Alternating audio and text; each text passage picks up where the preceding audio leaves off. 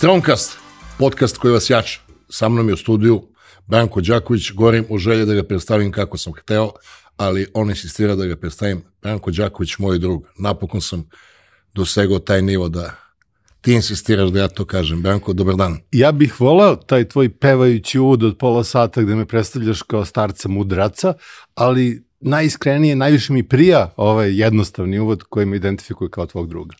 Verovatno ti je dosadilo da bude ono, uh, ovaj konsjerž, konsiljere Steve'a Jobsa, ono što, ili... Dobro si rekao to, dobro si rekao, ta freudovska greška da sam konsjerž, znači onaj operativac jednostavni na ulazu izlazu, Možda a ne, ne konsiljere, istina je, to sam ja. Ne, samo ne znam kako se čita. Uh, mi smo imali nekoliko velikih događaja u ljudskoj istoriji, veliki prasak, pronalazak vatre, pronalazak točka, pahla lokomotiva, Gutenbergova štamparska mašina, Beatlesi, Beatlesi, pojava interneta, dot-com revolucija i sada revolucija veštačke inteligencije.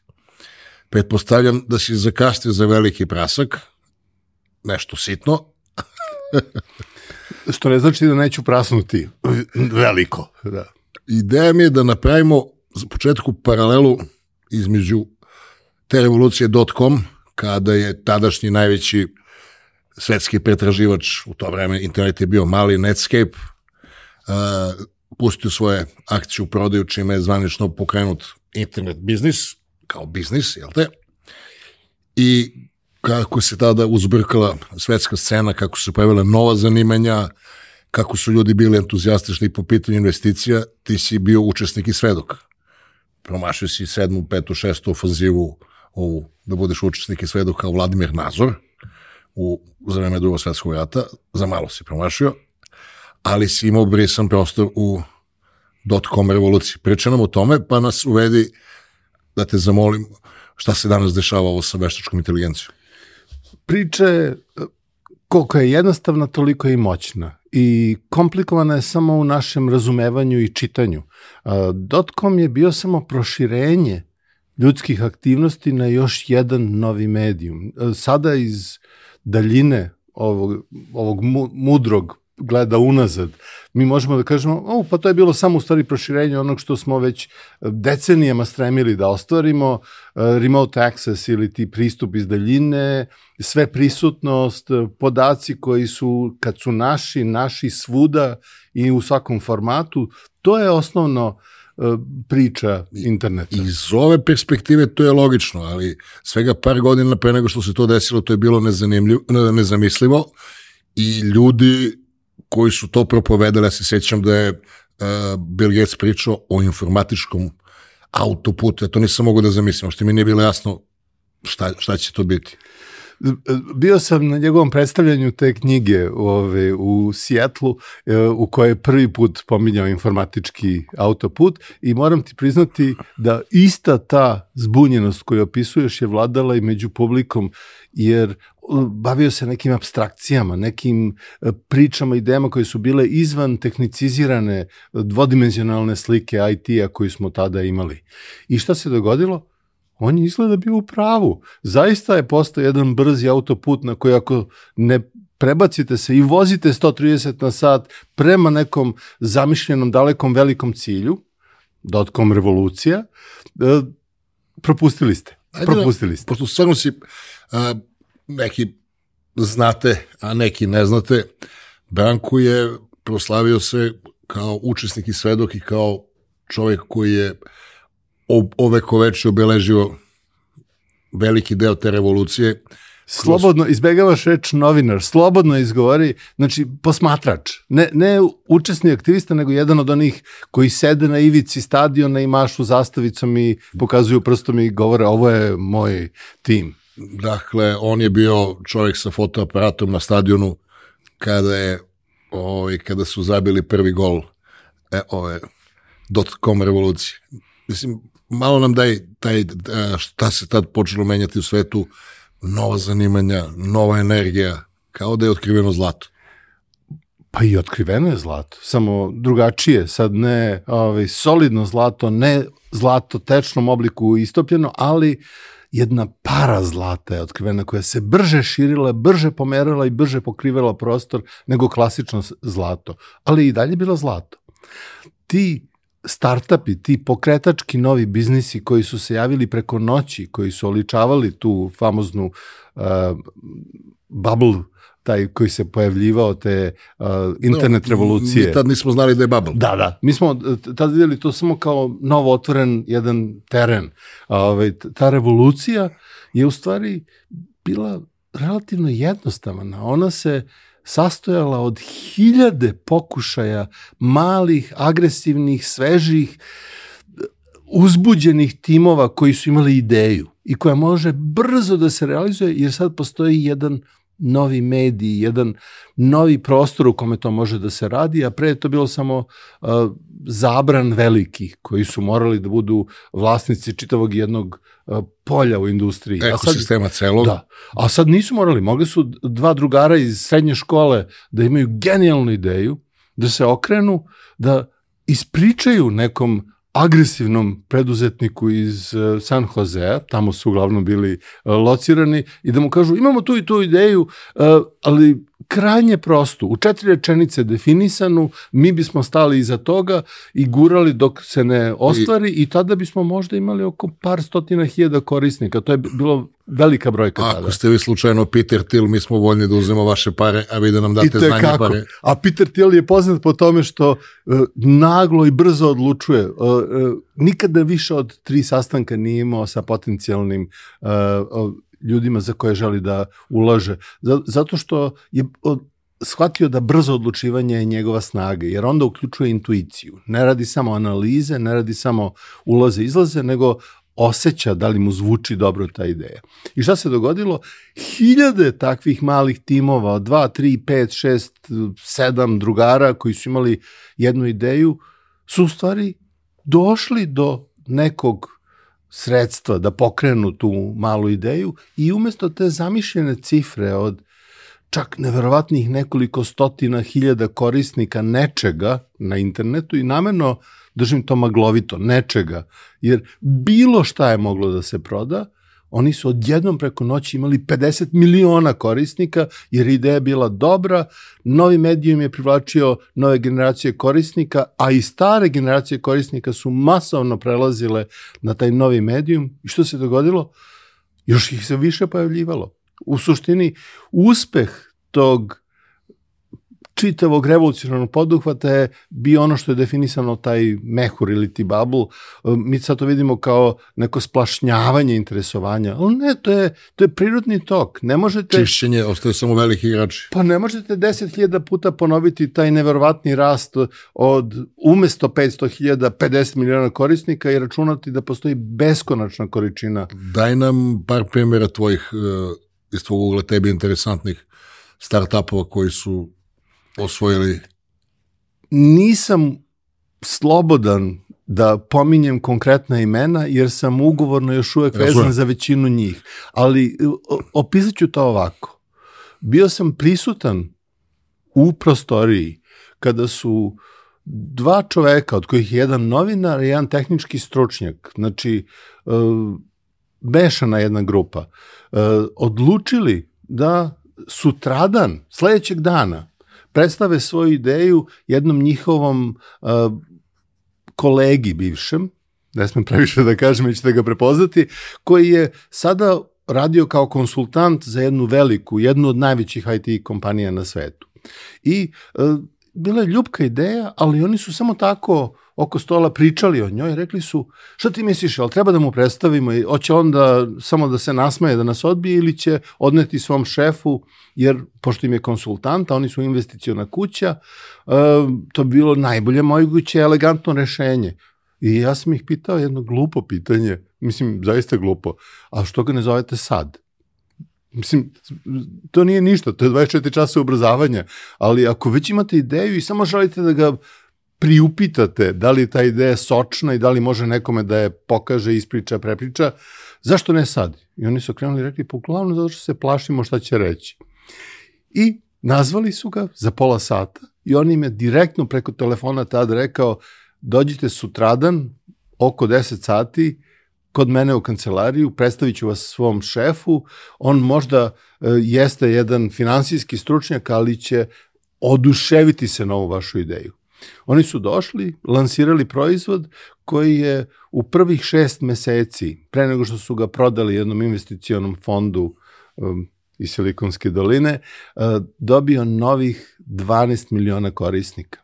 I to 12 miliona profesionalnih korisnika i ostao je kao jedna od upečatljivih priča te čitave generacije. Jer dok su oni rasli taj proizvod, šest meseci, 50 njihovih bivših saradnika, prijatelja su došli i lansirali svoj mali poduhvat. Su svi bili uspešni, ali 50 lansiranja je bilo samo zato što su oni praktično kao virus oplodili interesovanje čitave te generacije. Imamo uh, priču sa sad ne znam da li je to, jer mislim, ne želim ni da učestvujem u nagađanju, ne, prepustit ćemo publici, A, mi imamo spomenutog Pitera Tila koji je bard te silikonske, siliconske doline, u medijima se govori silikonska ova kod nas ovde, da boljimo ono što nas ne interesuje. Siliconska dolina i on je u dosta tih startupova učestvovao, on je učestvovao i u Paypalu, i u Twitteru, i u Facebooku, Instagramu, svude zavalio svoje pare, ali nije to samo stavi pare, nego stavi i znanje svoje, jer jedno je kad uzmeš lovo od banke, onda banka uzima obezbeđenje i manje više im sve jedno, mislim nije, ali banka ti ne pomaže tehnički, ali kad uzmeš nekog tog angel investora, on se trudi prepoznaje u njima sebe kad je bio mali, kad je on bio taj. I ono što je interesantno, uh, Elon Musk je bio u toj ekipi, rekao sam Peter Thiel, onda je bio Steve Chen koji je kasnije osnovao YouTube, pa onda ove što je osnovao uh, Yelp, to je takozvana PayPal mafija. Od tog nuklusa i oni su pravili velike greške, se sećam kad su davali da li veše po 10 ili po 100 dolara da otvoriš akaunt i u jednom trenutku je bilo da ono, lakše da bacamo sa krova zgrade iz kofera pare nego ovo što sad radimo, pa su otpuštali Elona Maska, a namerno grupišemo oko Petera Tila i Maska da bi mogao kasnije da koristim to. Genijalno si ga identifikovao kao neku žišku čitave te generacije. Dobro si ga prepoznao, jer on je bio taj nevidljivi pokretač. Od Facebooka, preko Napstera, preko, mislim da ne nabrajamo sve uspehe iz te generacije, ali on je u svima njima bio prisutan. I... On je onaj što kaže, zašto da ne? Da. Znaš, nije on kaže, neće da, da ti budeš ne verujem da hoće, nego, ajde da probamo. Pa, pa ima ta priča o, o mutaciji koja je tu uočena, koja je baš zanimljiva. Prethodna generacija investitora bila je finansijski vođena, kao i svi investitori, ali primarno finansijski. I uvek je skoro svako bitno pitanje bilo vezano za, Excel. za to. I naravno za brzinu povraćaja investicije i za količinu profita koja može se ostvari u jednom kratkom lupu. Til je bio jedan od onih entuzijasta, još uvek jeste, koji je zainteresovan za, za dubinu ove, ideje i priče.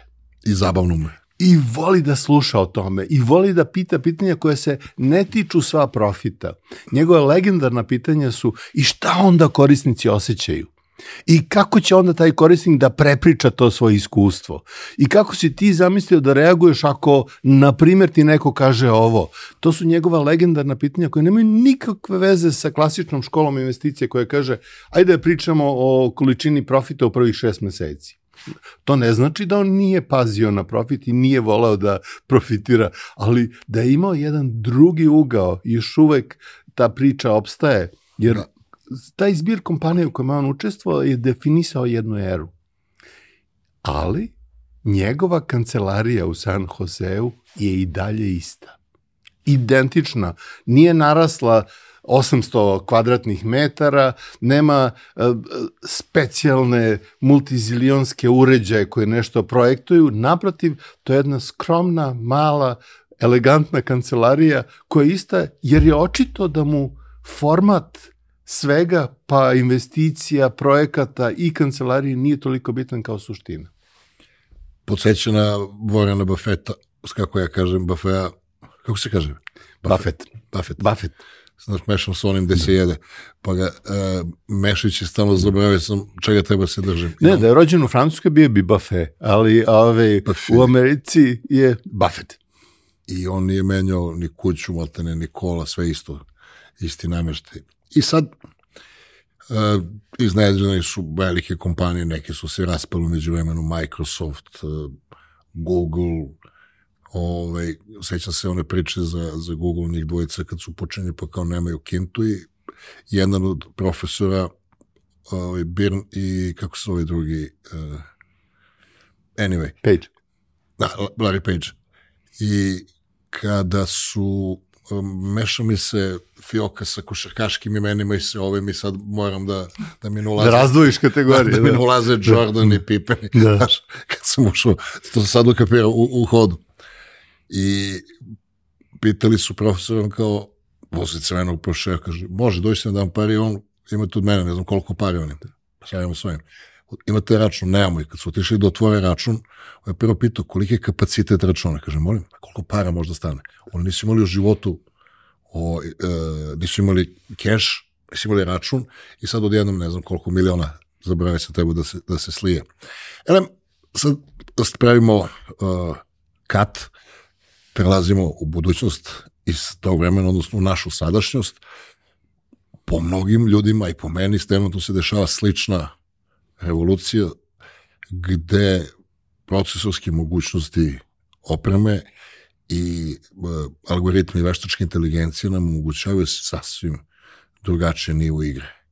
Ajde da izvorno čujem tvoje utiske da ti ne usmeravam pažnju u neku ćošku kad možeš da daš. Pa ljubko je što mi radimo na tome, svi mi, već decenijama, ali tek sad se proširila fama o tom polju. Znači, to je, to je uzbudljivo, seksi, zanimljivo, provokativno polje i naravno da nekada davno, kada je veštačka inteligencija bila samo domen naučne fantastike, dobre literature, da se razumemo, dobre naučne fantastike koja ume da postavi prava pitanja, od kojih su neka i danas relevantna. Znači, tada nas nije to interesovalo kao mogući tehnološki razvoj, jer nam se činilo da je nemoguće da toga dođe za našeg života. Sada, kada se preko noći napravio još jedan mali pomak koji je odjednom otvorio tu temu i gde se veštačka inteligencija praktično može videti svuda svuda, u svakoj pojedinačnoj aplikaciji onoga što je nekad bilo efikasno izvršenje nekog mehaničkog ovaj, postignuća. Namerno biram žargonski uh, konsultantski rečnik koji kaže svuda, ali baš svuda. Ovaj, tek tada je prepoznajemo kao nešto revolucionarno. Ajde da se ne lažemo. Ona je odavno prisutna u našim mislima. Mi težimo u njoj generacijama i tražimo neke male operativne modove da, koje će u nas... To je postavilo domenu funkcije, a da. sada smo se subscribe-ovali iznenada na stvarnu full blown verziju, kao, tako? Nije drill, da. dešava se. Da. Ali prvo pitanje koje vam postavi stručnjak je da li verujete da je to zaista veštačka inteligencija? Da li ona uključuje i ideju o samosvesti ili je dovoljna samo intelektualna sposobnost da barata podacima? Kako definišemo svoju inteligenciju? Gde stajemo sa definicijom inteligencije? Jer prepoznaćeš veoma često da u glavama ljudi te dve stvari se brkaju. Ta pretpostavka da čim je nešto inteligentno, samim tim je i automatski samosvesno i time pretpostavlja nekog pravog sagovornika u nekom razvoju, u, nekom, u nekoj moći, u nekom odlučivanju. To, to je u stvari iz tih naučno-fantastičnih knjiga ideja, koja kaže automatski kad je nešto toliko inteligentno da može da izgleda kao samosvesno, onda možda i jeste samosvesno. Znači, to je dilema koja postoji unazad 50 godina. Ako nešto izgleda kao nešto drugo, da li je to u stvari možda ipak to drugo? Ove, I to je zanimljivo pitanje upravo danas, jer kada kupite, na primer, na, sada u ovom trenutku, dok pričamo o ovoj temi koja je, kao što rekao, uzbudljiva, seksi, zanimljiva, na naslovima svuda možemo da pronađemo neke elemente toga, kad možete da kupite četkicu za zube, električnu, koja u sebi uključuje neke obrazce učenja o tome kako vi treba da čistite svoje da je, zube. Da je gas kad je uzbrdo. I kada piše na nalepnici na kutiji gde kupujete tu električnu četkicu za zube, koristi elemente veštačke inteligencije da proračuna najbolji mogući mod, kako da se obračuna sa naslagama na vašim zubima. To izmislio sada ili si vidio stvarno? Uh, video sam u pripremi projekat koji to kaže. Uh, neću da kažem da smo učestvovali u konsultaciji, ali postoji projekat. Ako postoji četkica za zube koja uključuje elemente učenja koji su bliski veštačkoj inteligenciji kako smo je definisali, veruj mi, u sledećih godinu dana, odmah, sada, znači pred nama su pojavni oblici koje ne možemo ni da zamislimo. U ovom trenutku postoji uh, aparat koji menja automatski gume na vašim kolima, znači vi ga doveste, uparkirate kola, on ga promeni gume, specijalnim robotskim eh, kukama, eh, skine ih, balansira trap, napuni ga i sve to korišteći veštačku inteligenciju. Menjanje guma, veštačka inteligencija, čišćenje zuba, veštačka inteligencija – zaboravimo sada na predrasude. Ne postoji ni jedna oblast našeg delovanja, ni jedna jedina. Koja nije napadnuta. Od pisanja naučnih radova do menjanja guma na automobilima, koja nije u potpunosti promenjena samo uvođenjem tog jednog moćnog, aktivnog, zanimljivog i dalje rastućeg kvaliteta. I još 21. godine je napravljena veštačka inteligencija koja čita rezultate magnetne rezonance bolje nego konzilijumu 21, 21 doktora, mislim, ono, najvećih stručnjaka. Uh, ja sam se zezanja radi, sad se zezao sa chat GPT-em i dao sam mu uh, rengenski snimak, obično chat GPT-u, da. ima oni neki plugin, nekog mog starog snimka našao sam u kompjuteru kada sam zadnju falangu prsta, malo je na prsla.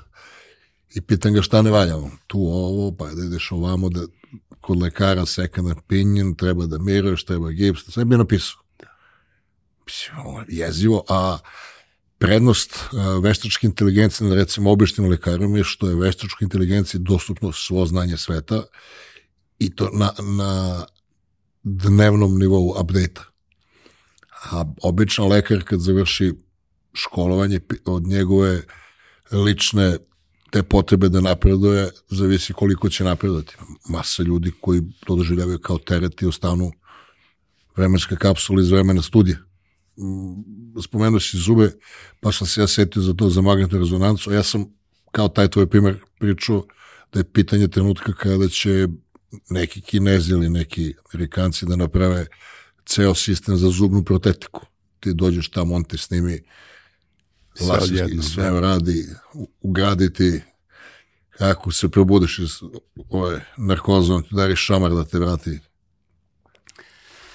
Znaš, skoro sam video jedan projekat koji me jako zainteresovao, to je uh, primjena veštačke inteligencije u serviranju novih ukusa ljudima koji dolaze u specifičnu vrstu restorana gde im se sviđa da jedu određenu hranu. I svidelo mi se upravo zato što je nebitno, na izgled nebitno, jer to nije revolucionarni proizvod koji će promeniti ovaj svet, ali odslikava našu prirodu. Mi smo potrošači. Mi smo ljudi koji žive u trenutku gde zadovoljamo svoje potrebe birajući neke afekte. Ljudska pitanja koja su vezana za taj projekat su mi naročito zanimljiva. Šta mogu da očekujem kada se to primeni? Pa možete da očekujete da sledeći put kada vam neko predloži u restoranu nešto vezano za vaš ukus, nije vezano za vaš ukus, nego za čitavu generaciju i profil korisnika širom sveta, jer je veštačka inteligencija u suštini zbir svih ljudskih znanja upakovan u način koji sad može da se procesira i, I da se obrađuje. personalizuje. Upravo tako. Ima smuce da sam te prekinuo. Pa ne, da sam kažem, te najjednostavnije male forme su stvari jako uzbudljive jer ti one ilustruju širinu primene. Ako može tu da se primeni i da se izbira ljudskog znanja, pronađe neki element tako banalan, tako nebitan, kao što je da li više volite sad špagete, a probate sa ovim, a ne sa ovim, ove, ako je tu moguće moje iskustvo promeniti, obogatiti, provocirati i nadograditi veštačkom inteligencijom, kako god je de, tehnički definisali, pa ne postoji ni jedno polje da to ne može da se uradi. Već sada Netflix ima veštačku inteligenciju koja prati šta gleda publika, gde prediska pauzu, gde premotava i ima otprilike ideju kako treba da izgleda scenario za film koji će biti gledan na kom ovom geografskom području i koje glumce publika voli. Onda postoje sisteme veštačke inteligencije koji prave muziku u skladu sa reakcijama publike na prethodnu muziku koju su slušali. Postoje sistemi koji u skladu sa tvojim raspoloženjem ti puste muziku ako si tužan da te omekšaju ili pak da te probude, ne puste neku veselu. To sam čitao u ovome a, kako se zove ovo što je napisao Homo Deus a, 21 lekcija iz 21. Harari. On je jedan makroistoričar i futurističar i onako potpuno lepo dao primjere šta se možda se desi i ako mi se dopada recimo mnoga zanimanja, to bi volio da čujemo tebe, mnogi ljudi neće moći da nađu posao ako stanu na ovom nivou svesti i znanja, jer su mnoga obična zanimanja napadnuta od pranja tauleta do utovara paleta u kamion, do vožnji kamiona, vožnji taksija. Paradoksalno, čini se da su najviše ugrožene najsloženija zanimanja. Tamo gde smo nekad zamišljali da će roboti da zamene jednostavne ulaze u naše potrebe, drugim rečima fizičku aktivnost kao takvu da izbrišu jedan na jedan, delimično postoji taj trend, da, automatizacije i robotizacije da je nazovem, ali ona najsloženija naša zanimanja, najsloženije investicije i interesovanja, ona se čini se najlakše zamenjuju ovakvim formatima kao što su veštačka inteligencija. Ti verovatno znaš, ali ipak je šokantno čuti da Google, samo jedna jedina kompanija, u svojim projektima, a ima desetine projektnih timova, skoro isključivo se bavi implementacijama budućih verzija veštačke inteligencije koja će postojati i koju, na koje već rade. Bukvalno kopaju sami sebe rakovi koji rade tamo. Da, ali moraju, jer ako ne, ne kopaju oni sami sebi, rani će, rani neko drugi, da. da. Živimo u vremenima, mislim, meni ovo onako potpuno mi uh, kao, uh, vanvremenski je. Svašta nešto se dešava. Ja sam zezanja radi, usiso sedam mojih tekstova koje sam napisao i rekao sam mu ti si copywriter, ajde da te zamolim da mi napišeš toliko, toliko karaktera, napravi mi kao skriptu za YouTube video, daj mi dobar hook i ono, čak i ubacivo negde ono moje bajčo. Slušaj bajčo da ti kažem. Ali, znaš, ključni element te klin čorbe si ti, Milane. Odnosno nepredvidivost. Nepredvidivost i taj element nepredvidivosti je onaj value add, onaj kvalitet koji će na kraju dana odlučiti vrednost toga. Još uvek. Još uvek. Vreme nam izmiče što se tiče toga, jer će veštačka inteligencija biti sve bolja i bolja. A reci mi, šta misliš, koja generacija će kako da se uklopi u ovo? Naša generacija, kažem loosely, ovako mekano definisano, naša generacija zaboravi je. Ona je već izgubljena i ne može da se uklopi u ukupnost promena koje će ovo doneti. Znači, oprosti generacijo, to ti kažem sada sa velikom ljubavlju i željom da opstaješ dugo u svom nekom uh, generacijskom zadovoljstvu, moći i uspeha, ali mi smo prošli. Ova izmena, samo jedna jedina primena veštačke inteligencije je nepremostiv jaz za našu generaciju koja je u suštini utilitarna i pametno orijentisana ka stvarima koje može da sažvaće.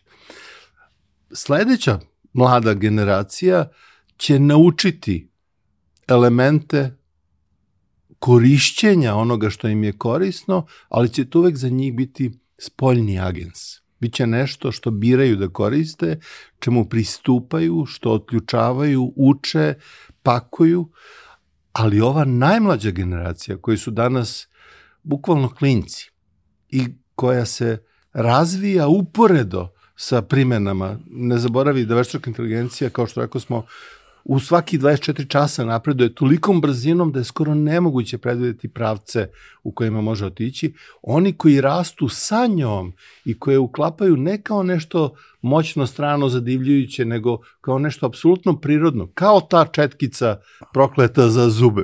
Izvinite, svi vi koji je već koristite ili želite da je koristite. Znači ti koji će bez ikakvog zazora okrenuti se i reći, a, veštačka inteligencija je i to ne bilo koja, nego ta i ta je učeći o ljudima kakav sam ja, otkrila najbolji način da moja elektronska četkica, sad ne električna, nego elektronska četkica za zube, najbolje moguće radi, neće ni razmišljati o tome, nego će to primeniti u svom životu. E, oni su jedini partner za veštačku inteligenciju. I namerno koristim reč ne gospodar, ne korisnik, nego partner. Šta je za tebe rock and roll? Za mene je to uzbuđenje, radost življenja i samim tim revolucionarni način da ugradiš u sebe tuđe afekte i da preuzmeš od njih priču koja te uzbuđuje. Volo si da kažeš da je u dot-com revoluciji bio nivo rock and rolla. Apsolutno. Može da se... On je doveo tu svežinu i inovativnost i pristup. Govorim naročito o, o prvoj polovini tog mehura famoznog, jer kada je odjednom to postalo... Kad išlo na gore. Da, da.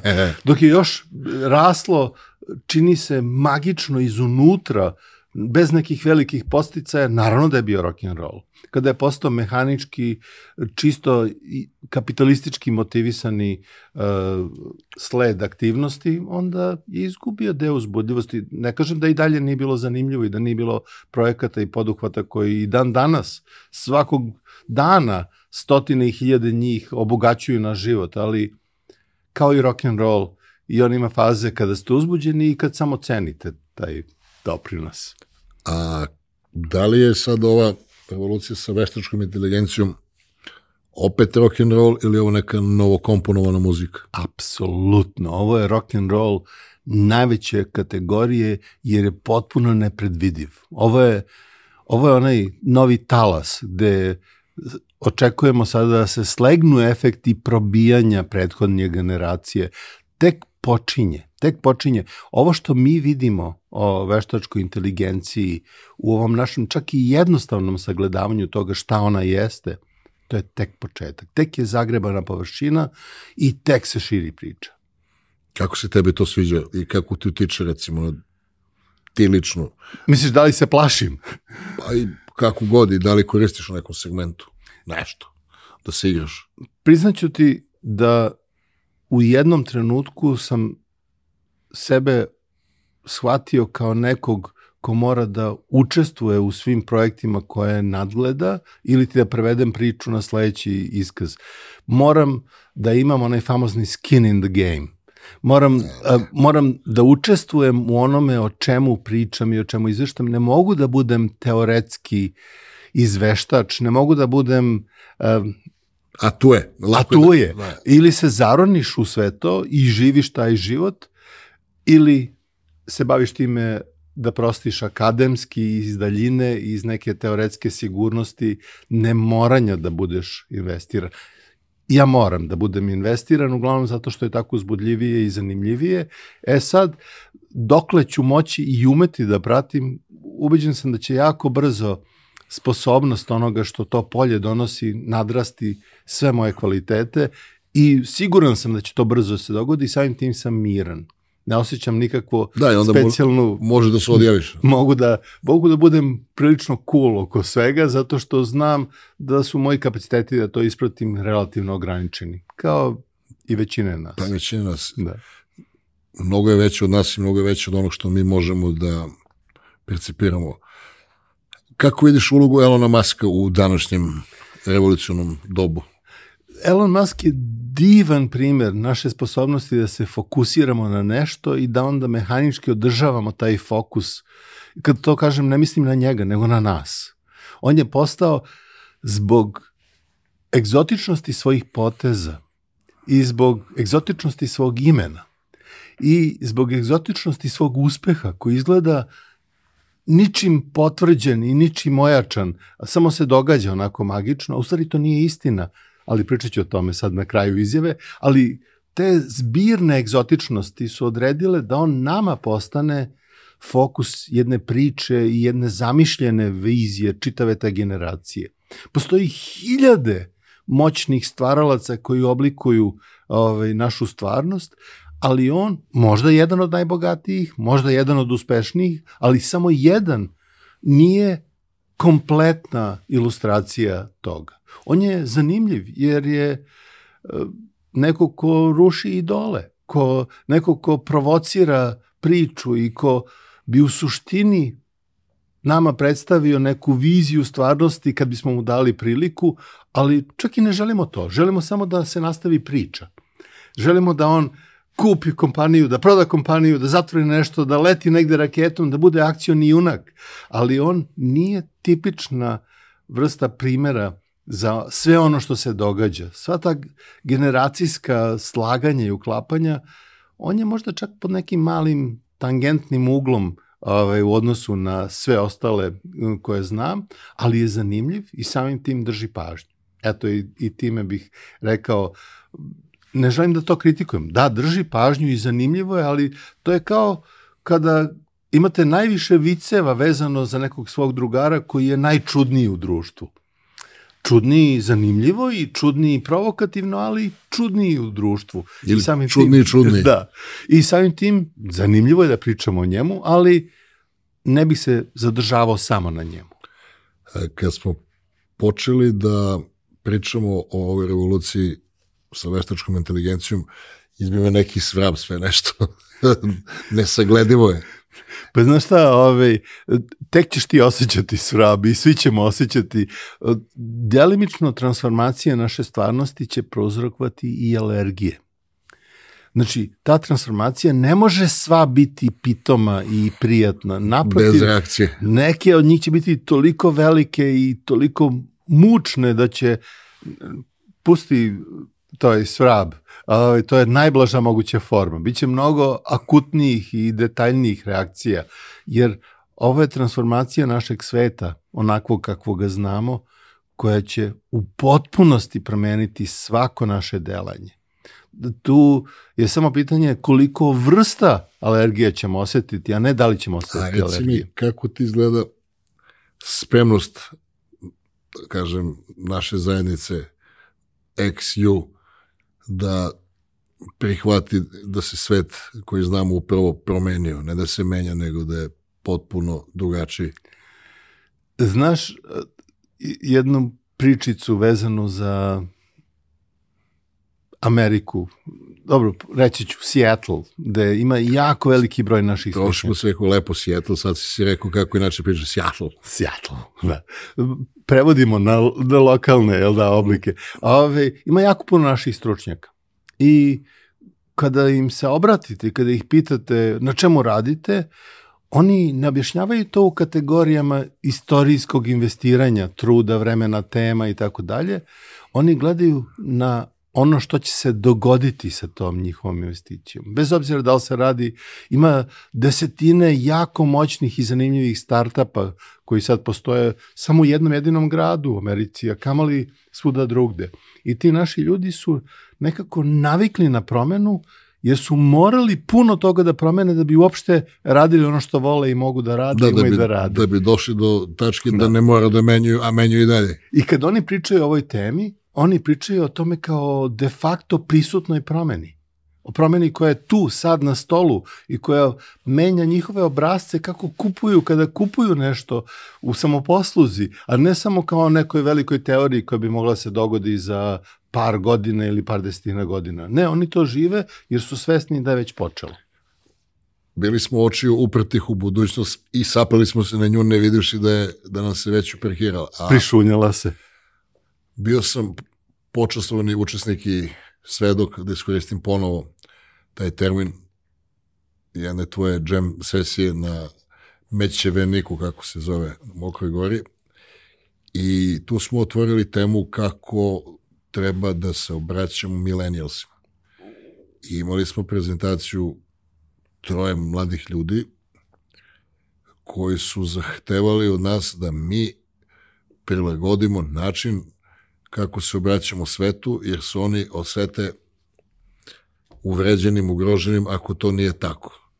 Aj malo da protresemo, da ispričaš onaj tvoj dragi primjer kad si zaposlio milenijalca da unosi u kompjuter i Pa, pre svega, veola bih da se vratim dva koraka nazad. sa I da kažem da ono što oni očekuju od nas i od svih drugih i od sebe nije ništa drugačije od onoga što mi očekujemo i od naše generacije i od njih i od prethodne generacije. A to je kada bi malo više svet imao samo želje i volje da prilagodi neke mikroelemente, svima nama bi u zbiru bilo bolje. To je ta njegova, njihova idealistična vizija koja je bliska i nama i svim prethodnim generacijama i zato je bilo ljubko kad su oni to stavili u svoj format, jer su oni pričali o svojoj generaciji, u stvari pričali su o svakoj generaciji koja Ne, postoji. ne. Svakoj. Ja ne, Uključujući tvoju. ja ne kupujem tu priču. Branko. Da.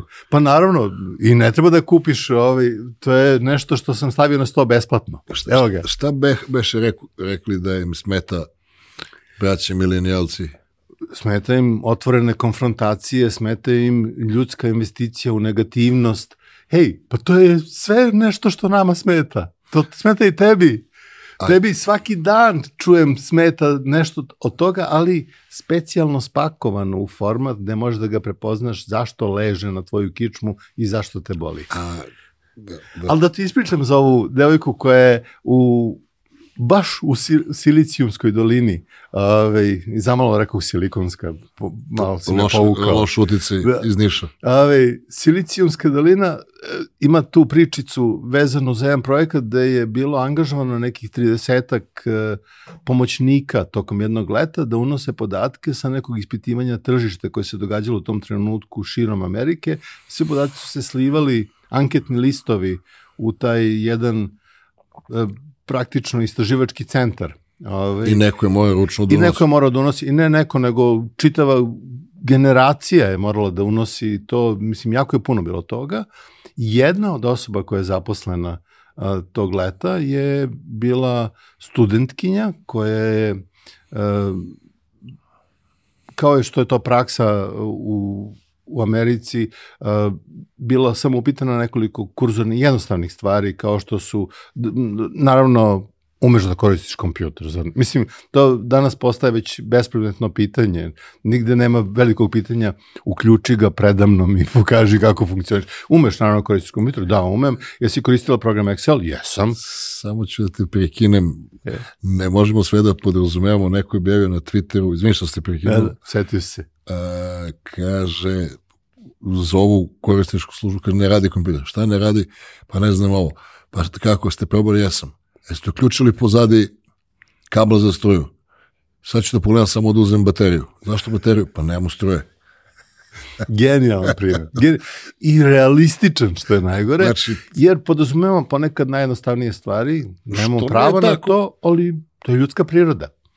Ona je angažovana u toj u sklopu te grupe od 60-ak pomoćnika koji će- Milenijalka. Da, da. Milenijalka. Sad ti koristiš jedan a, krovni termin, e, ali oni se sad i podefinišu na jedno tri, četiri različite generacije, ali to nije uopšte bitno. I drago mi što si rekao milenijalka, jer u našim glavama sve su to milenijali, jer su mlađi od nas. I sad, Ceo milenijum. Ceo milenijum je tu, ovaj, pred nama. Ovaj, ona je bila angažovana da unosi te podatke u Excel program kompanije Microsoft, jako dobar. I ovaj, slučajno je ostavljena na miru. O, slučajno, kažem, zato što veoma često takvi projekti imaju neke targete i prolazna vremena i ciljeve, ali ovaj projekat je prilično fino tekao i ona je ostavljena na miru da unosi te podatke mesecima. I niko ne pita ništa. Niko ništa nije pitao. U jednom trenutku šef tog projekta, nadzorni koordinator je bio na njegova titula, ali nije bitno, je došao i rekao, e, kako stojimo sa variablom B12, koja je, nemojte da je povrkate sa vitaminom B12, ali variabla B12 je jednu veoma specifičnu ovaj, vrstu odgovora davala i baš ga interesovalo koliko imamo daova i koliko imamo ne i koliko imamo možda. I ona je rekla, molim, tako, tako ide dijalog, molim, a on je rekao, Uh, samo mi kaži, dobro, nije bitno, samo mi kaži koliko imamo da u toj koloni. Ove, ona je rekla, e, imam tu interesantnu informaciju za vas. Ja nisam mogla da, da startujem taj program, jer verzija Excela na kome sam ja nekad radila kao student je različita od ove verzije i pokušala sam tu nešto da napravim, ali bila sam prilično neuspešna i onda nisam ništa ulovio. I sve sam se nadala da će neko naići i da će tražiti te podatke, ali pošto nisu tražili, vratno im nisu bili ni bitni i sad sam se samo nadala da će proći čitav projekat, da ne moram da, da, da radi. A on je rekao, Molim, sad on, šta si rekla? Ona je rekla, e, tako da ako vi umete da mi uključite, ja ću sad rado početi posle tri meseca sedenja u kancelariji vrćenja na stolici, ovaj, a, ako treba da radim, samo mi uključite Excel. I on je rekao, čekaj, dođi molim te u moju kancelariju. Znači, neću vikati na tebe, samo, samo ću da te pitam nekoliko pitanja. Znači, racionalna, odrasla pitanja. Koliko dugo se drogiraš? Prvo pitanje je bilo, ti si svesna šta mi ovde radimo, da mi unosimo, znači, ali ti to je jasno? Ona je rekla, da, apsolutno. Mi smo čak i na fakultetu u jednom predmetu imali jedan takav primer, gde na terenu se radi to i to, stik podaci da bi se obradili moraju da se unesu u nešto što će posle moći da se prebaci drugde i da se koristi neki mehanizam obrade. On je rekao, dobro. I kada smo te primali, kada smo pitali Naravno, umeš da koristiš kompjuter, ti si rekla da. I Excel. Jesam. Excel, ja, no. I Excel, kaže, umem da koristim Excel, koristila sam ga, evo, na drugoj godini srednje škole smo imali taj, taj projekat, ja sam unela, ali ovo je drugi Excel. I, kaže on, i ipak si dopustila da klimneš glavom i da radiš, iako si bila, i što je najbolje, nisi nikome prijavila to, nisi mahala i rekla, uh, halo, prošao jedan čitav dan, a ja nisam ništa nosila zato što ne umem da startujem ovo čudo, dajte, pomozite. A ona je rekla jednu magičnu rečenicu i tu rečenicu koristim kao ideju vodilju u dilovanju sa svim generacijama, a to je, ona je pitala, i čija je to greška?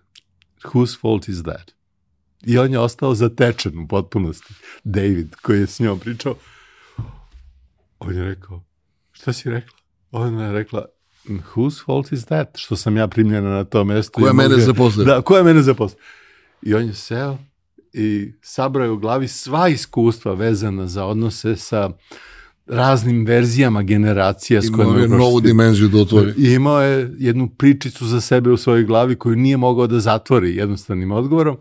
Ona je dobila punu platu za te mesece što je sedela tu. Istog dana je naravno napustila projekat, a nikakav dalji proces nije pokrenut, ni protiv nje, ni protiv osobe koja je zaposlila, ni protiv deda koji je malo možda vikao na tu osobu koja je zaposlila, ali činjenica je da je to njeno magično pitanje odgovornosti ono malo pre što smo pominjali skin in the game, investicije u stvari koje su nam bitne i koje su nam vredne, na način koji podržava i osnažuje njihovu vrednost i snagu u našem životu, profesionalnom i ličnom, ključno pitanje.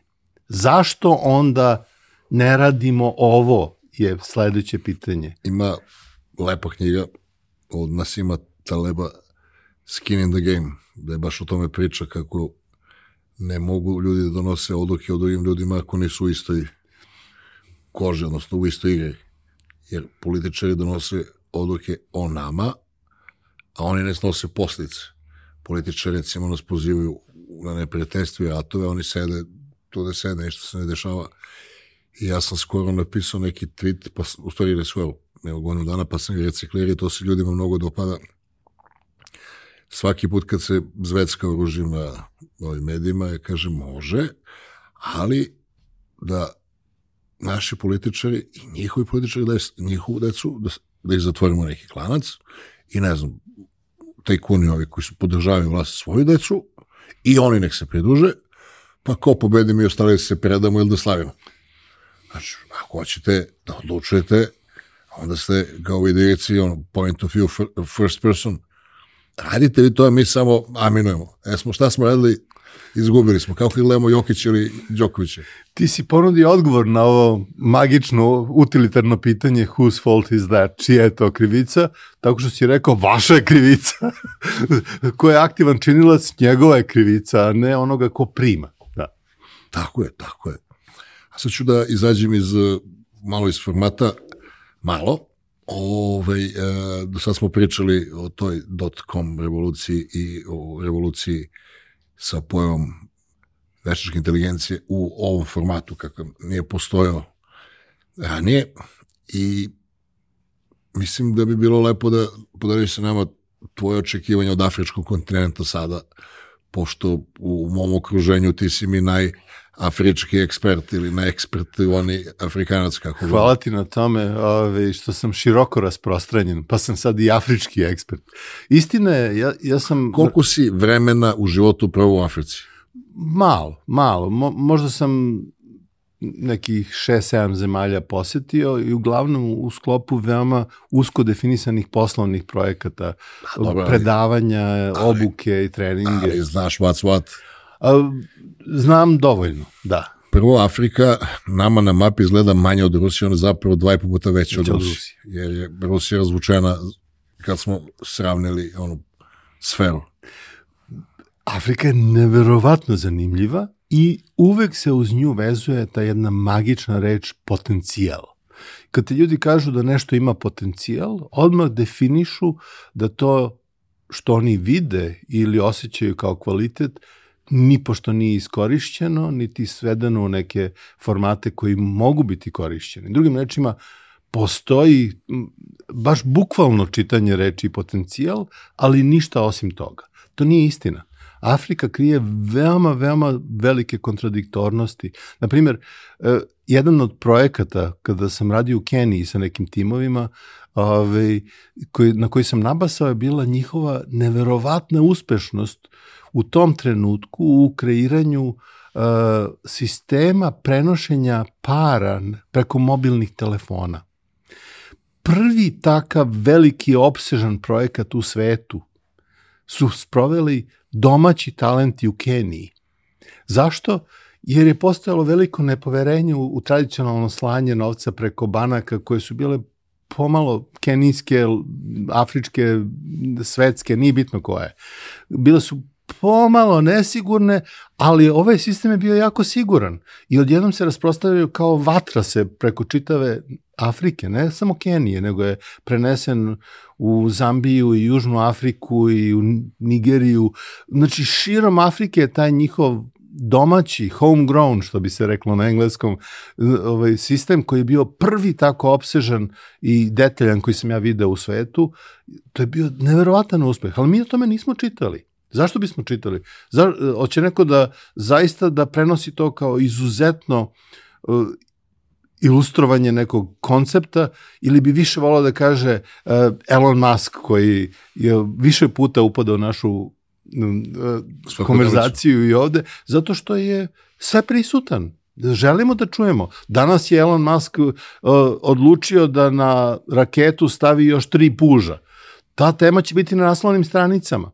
I ne kažem da ne treba da bude, on jeste moćan činilac, ali ova transformacija, revolucija u slanju e, paketa novca preko mobilnog telefona koja je zaštićena, enkriptovana, potpuno sigurna i koju sad koristi, ne znam, 36 zemalja odjednom u Africi, pa to je transformacija našeg sveta.